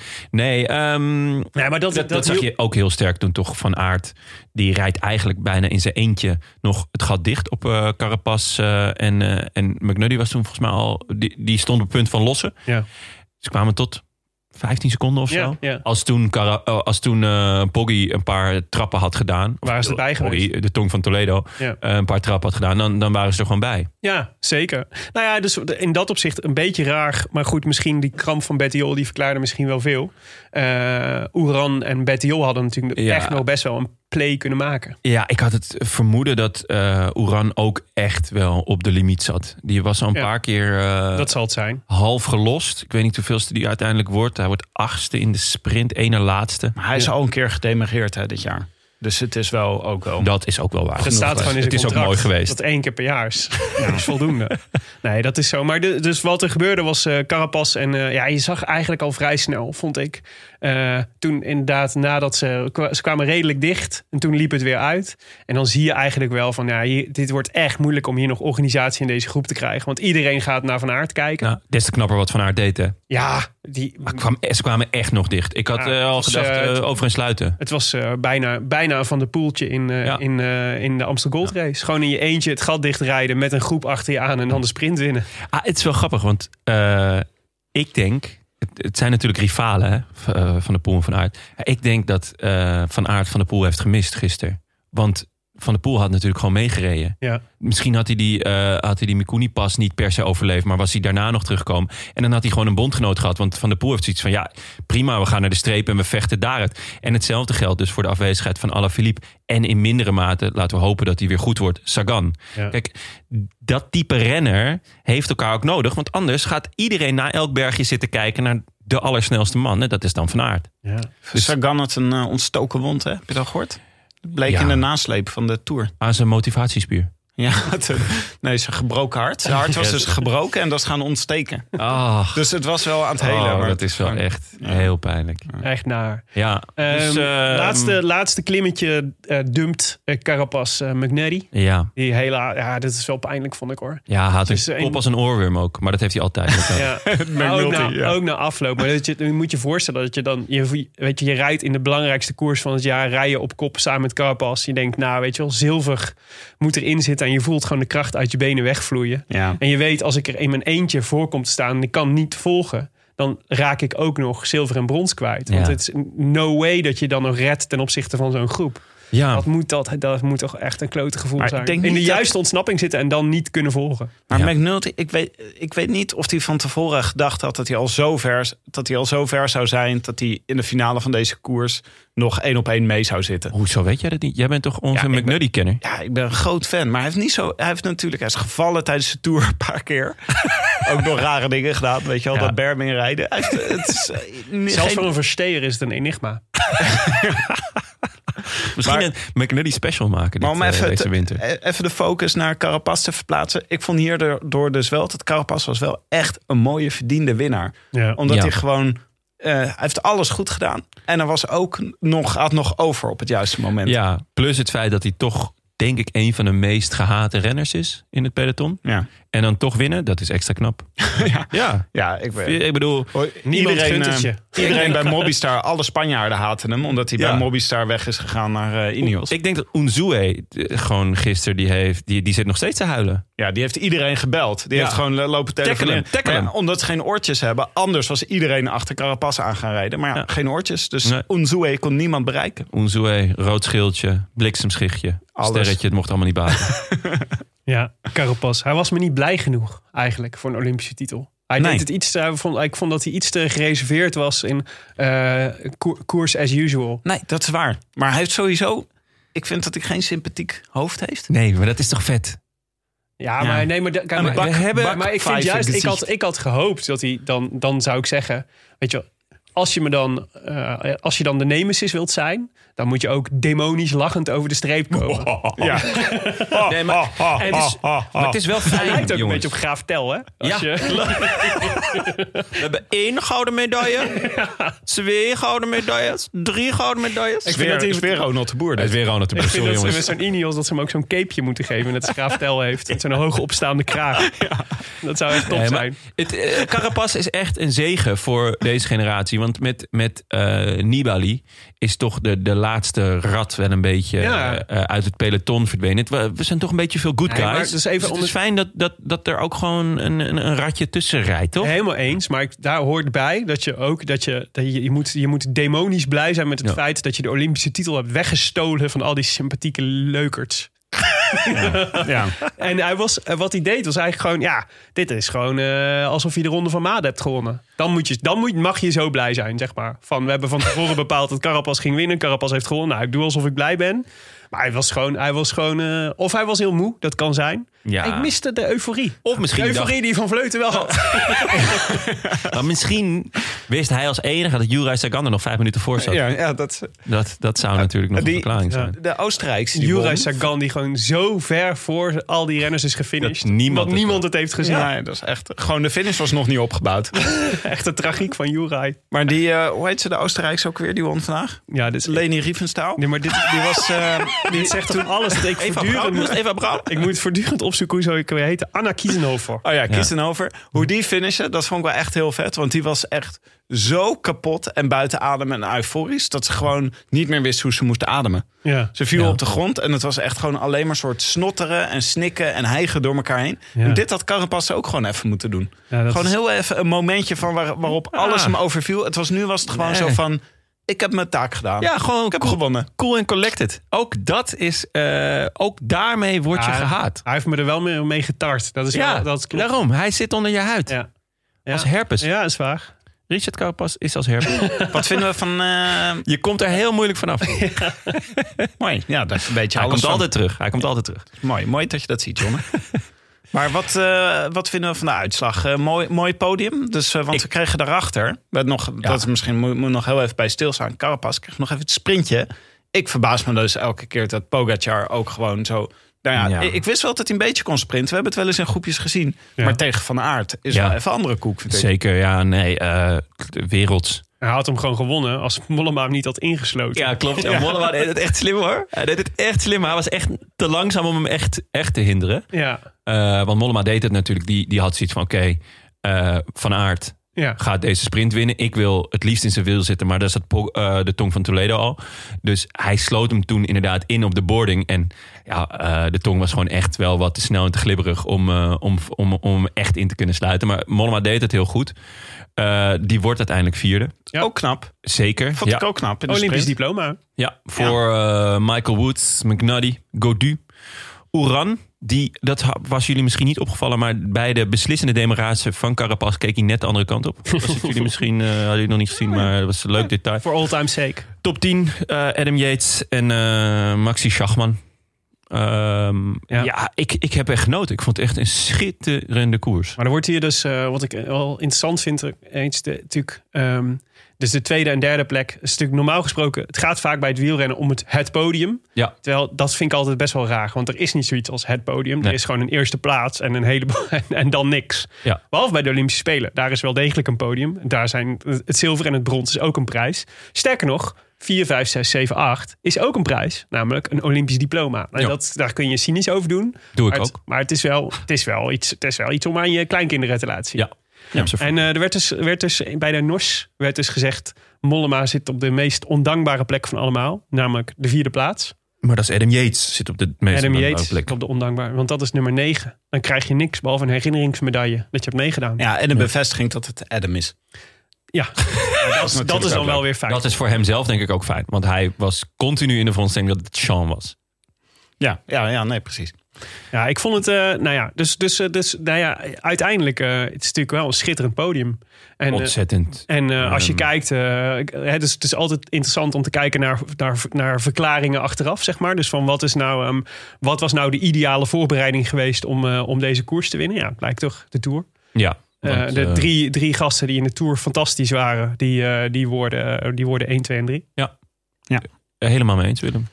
Ik eh, sluit me hier volledig bij aan. Maar inderdaad, mooi, eh, het was mooie Olympische Spelen. Ontzettend en het is ook koers. gewoon, ze moeten in Olympische Spelen gewoon bergetappes doen, vind ik. Dat is gewoon het allerleukste. Nou, ik vind, Oh, oh. vind ik ook niet helemaal eerlijk naar de, de- de- Ik vind dus, je zou dan eigenlijk ook nog een, een koers daarnaast eh, gewoon lekker op dat, eh, op dat circuitje doen. Eh, even 30 keer het circuit en dan gewoon sprinten met z'n allen. Zodat Want anders heb je als sprinter nooit een kans om, om, om eh, Olympisch Nee, ze zullen te nooit een, gewoon een, eh, een eh, super vlakke race maken. Misschien Wel in, in, eh, Parijs? eh, nee, eh, in Londen. In Londen. Want toen Oh, ja. moest Cavendish winnen, toch?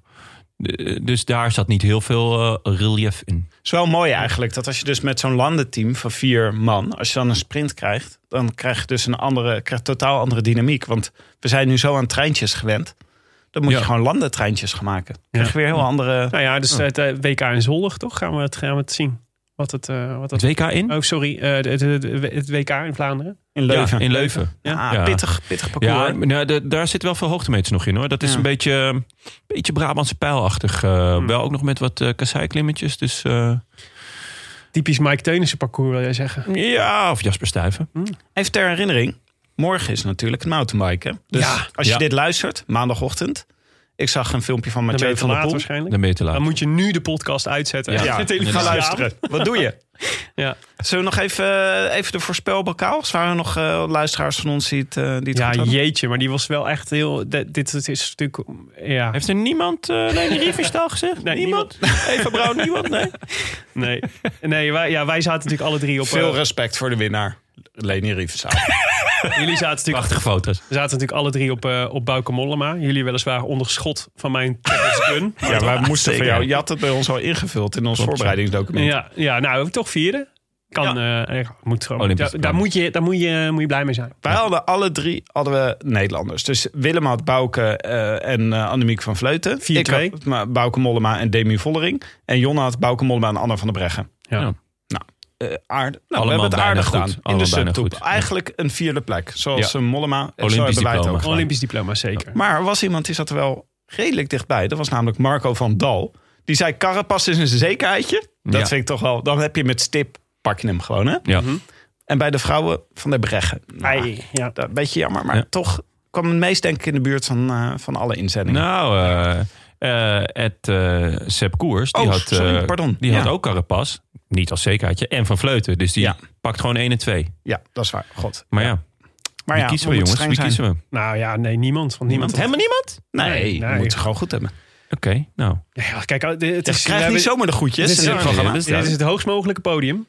Nou, Daar moet je het laten zien. En dan gaan we niet, daar is net niet goed genoeg. Is, Jij is streng gewoon niet goed genoeg. Oké, nee, is goed. Nee, Mooi. Dus geen groetjes, eh, geen groetjes ditmaal.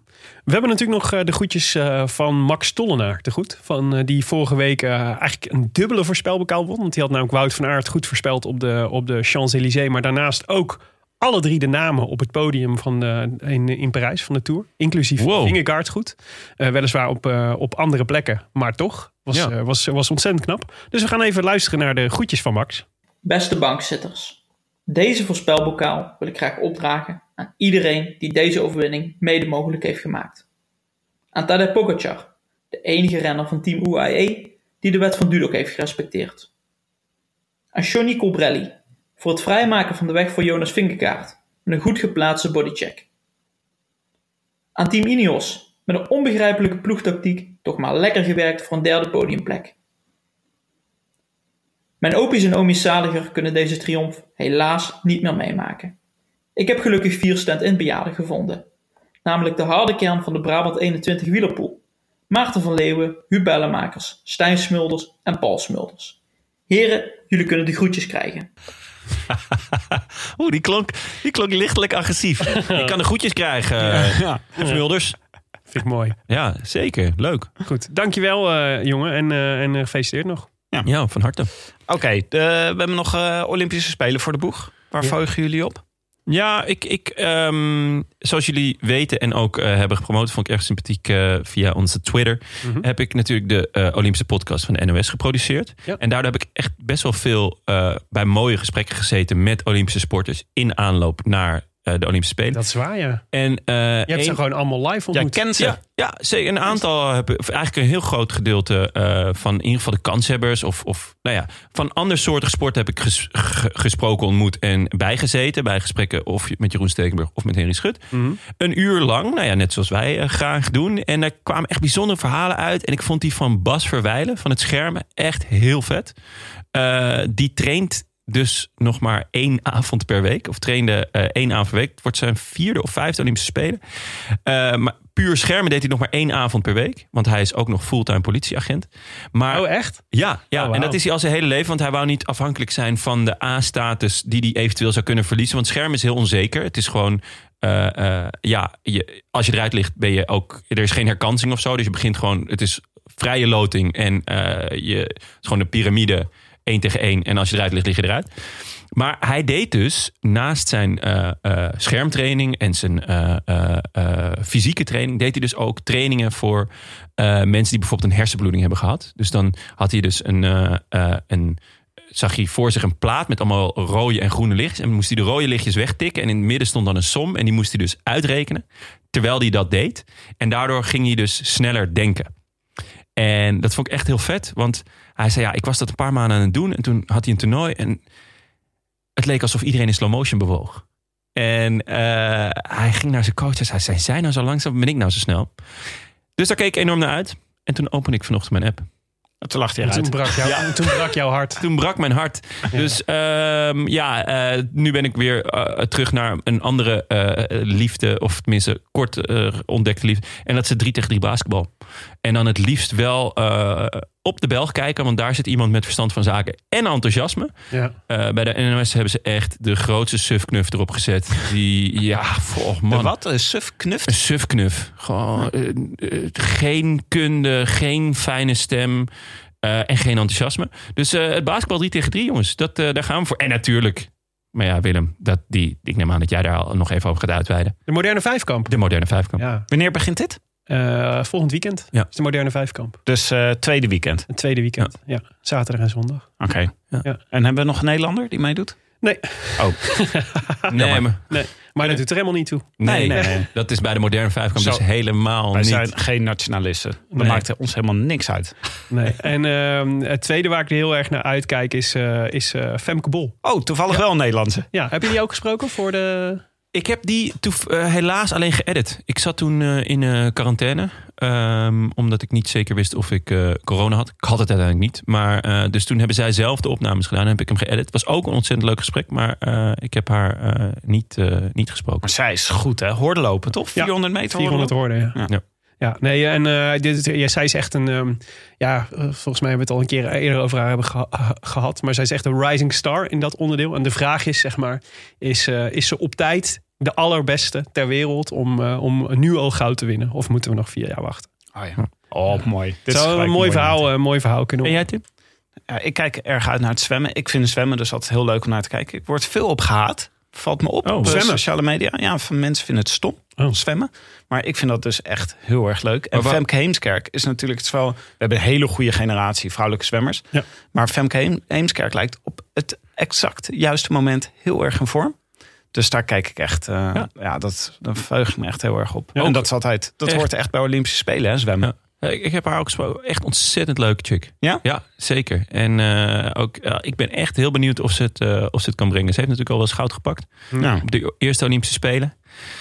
En eh, ja, ik ben benieuwd of het, of het gaat lukken. Kreeg je nog een kinderbueno van haar? Nee, niet dat ik weet. Heeft ze ooit, heeft ze ooit reclame voor gemaakt? kinderbueno. Net als Wel. Mark Duitert, de Olympisch Oh ja, zwemkampioen. dat is wel waar. En ja. de schaatskampioen. Ja. Ja. Ja. Maar ehm, goede, goede reclame was dat. over kinderbueno gesproken. Dat was wat eh, Carapaz eh, haalde na de Tour hè, als eerste. Iedereen ging eh, hamburgertjes halen bij de McDonald's. Of kreeg een pizza van Bas Tietema. En Richard Carapaz heeft een kinderbueno gekregen om zichzelf te feliciteren. Zie je, kijk, dit is dus- toch? Ja, lief, maar ook dat je denkt van... Ja, de- de- er zullen hier mensen ook wel weer grond vinden om hem te haten. Ja. Van, oh, gaat hij geen pizza? Oh, gaat hij weer, moet weer een Kinder kinderbueno. Bueno. Oh. En jongens, de tijdrit hè, woensdag. Ja, Hou je agenda leeg woensdagavond. Want als er iets gewonnen wordt, moeten wij natuurlijk emergency pot. Dat is zeker waar. Tom, kan hij het brengen? We gaan het zien. Spannend. U luisterde naar De Rode Lantaarn, de podcast voor wielerkijkers. Gepresenteerd door uw favoriete collega-bankzitters. Willem Dudok, Tim de Gier en mijzelf, Jonas Riese. Veel dank aan onze sponsoren. De Nederlandse Loterij, Auto.nl en fiets van de show Canyon. Hoe zou het met Koen Ruiter zijn? Goh, ja, de winnaar van de, van de spectaculaire canyon. Ik Ja. weet het eigenlijk niet. Ik, eh, ik zal eh, eens even bellen of dat hij... Hij, hij, hij moest natuurlijk nog eh, in zijn maat gemaakt worden. Ja, Dus hij zal nog even geduld moeten hebben. Maar het is wel... eh, dingetje. Ja, Overigens, eh, aankomende donderdag, Sneaker Day, hè? Heb je de Sneakers app al gedownload? ja, die had ik al. Die Want ik al. eh, we hebben natuurlijk, eh, wat- dat zijn, het worden natuurlijk prachtige Nike, wat is het? Dunk? Nike Dunk, ja. Nike Dunk uitgebracht. Van, Met eh, hetzelfde patroon als, eh, als, eh, als eh, die van de Rode Lantaarn. Ja. Namelijk van dezelfde maker, Piet Parra. Piet. Een van de grootste kunstenaars van Dus Nederland. als je ooit de Rode Lantaarn Nike's wil, dan moet je even aanmelden bij de Sneakers. Ja, en ook als je ze niet wil, ook even aanmelden. Want dan kan je ze gewoon winnen en aan mij geven. Want zo doen we dat als, als, als vrienden onder elkaar. Hè? Zo doen we dat als vrienden onder elkaar. Bijvoorbeeld onze vrienden van de show. Zoals Wat een bruggetje, Willem. Eh Gilles Smeijers, Maarten Bijnen, Jos van der Borg, Lotte Kleinendorst, Bram Lichtenberg, Frank Altser, Ivo de Beus, Jasmijn van der Zwaan, Misha Italiaander en Bart van den Berg. En ook Niels van Miltenburg, Eppo, Eugène Lubbers, Rick Callens, Arne Klomp, Marin Kuit, Boy Kester, Nicole van Kilsdonk, Jordi Verbeek en Maarten de Rooij. En ook Peter Vokking, Monique Mulstee, Hemco Horstman, Lennart Nienhuis. Remco, hè? Remco Horstman. Wat zei ik dan? Hemco. Remco Horstman. Hem, Hemco Worstman, Lennart Nienhuis, Lopke Vlaming, Thomas Kamps, Douwe Casimir, Thijs Bos, Diederik Mouthaan en Gert Kersies. Wil je je aansluiten bij ons geliefde leger van meer dan duizend semi-professionele bankhangtoeristen en volbloed koersdutters? Dat kan. Kijk dan even op eh de en trek die poeplap. Eh de Roland Taarn wordt verder mede mogelijk gemaakt door Dag en Nacht Media en het Koers.nl. Met veel dank aan onze redactie. Bastiaan Gejaar, Maarten Visser, Leon Geuyen en notaris Bas van Eyck. Tevens gediplomeerd brandweerman te Maden. Daarover, Willem, is er brandweer, dan wel duivennieuws uit Maden. Nou, niet uit Maden, maar aangezien dit toch een beetje onze Olympische special is. En we het eerder deze dag al hadden over de postduiven van Loes Gunnewijk. neem ik jou graag even mee terug naar Seoul 1988. Ach, dat, dat... Weet je dit, eh, leefde jij toen al? Ik leefde toen, ik was twee. Nou ja, dus heb je dit waarschijnlijk niet eh, bewust meegemaakt. Ik had net eh, leren piano spelen. Dus nee. Ik, eh, ik, ik kan me dit ook niet herinneren. Maar ik las dus een rijtje met de grootste blunders tijdens openingsceremonies van de Olympische Spelen. Dat klinkt goed. En één daarvan, eh, ik kreeg als titel Alle duiven op de vlam. Shalalali. Nou, dan, Shalalala. dan, dan heb je mij al te pakken, jongen. Ik wou net zeggen, dit is wel heel... eh, Ja, precies. Maar het ging dus over de spelen van de openingsceremonie van 1988 in Seoul in, in Zuid-Korea. En ehm, daar wordt er namelijk voordat de vlam wordt, werd aangestoken, werden er altijd eh, witte duiven opgelaten. Hè? Als, eh, als teken van vrede en zo. Voel hem wel aankomen. Eh, alleen die, die duiven vlogen dus niet het stadion uit, maar die gingen dus op het volgende onderdeel van de ceremonie zitten. namelijk de, Olymp- de, Olympische toorts. En dan zou je denken, nou ja, hè, eventjes- Ah. even met de handen klappen en de duiven zijn weg. Dat eh, was aan de Zuid-Koreanen niet besteed. Dus, dus, dus die, vlam ging aan en er werden tientallen duiven geflambeerd. Waarmee de, de Olympische Spelen van Seoul officieel voor geopend werden verklaard.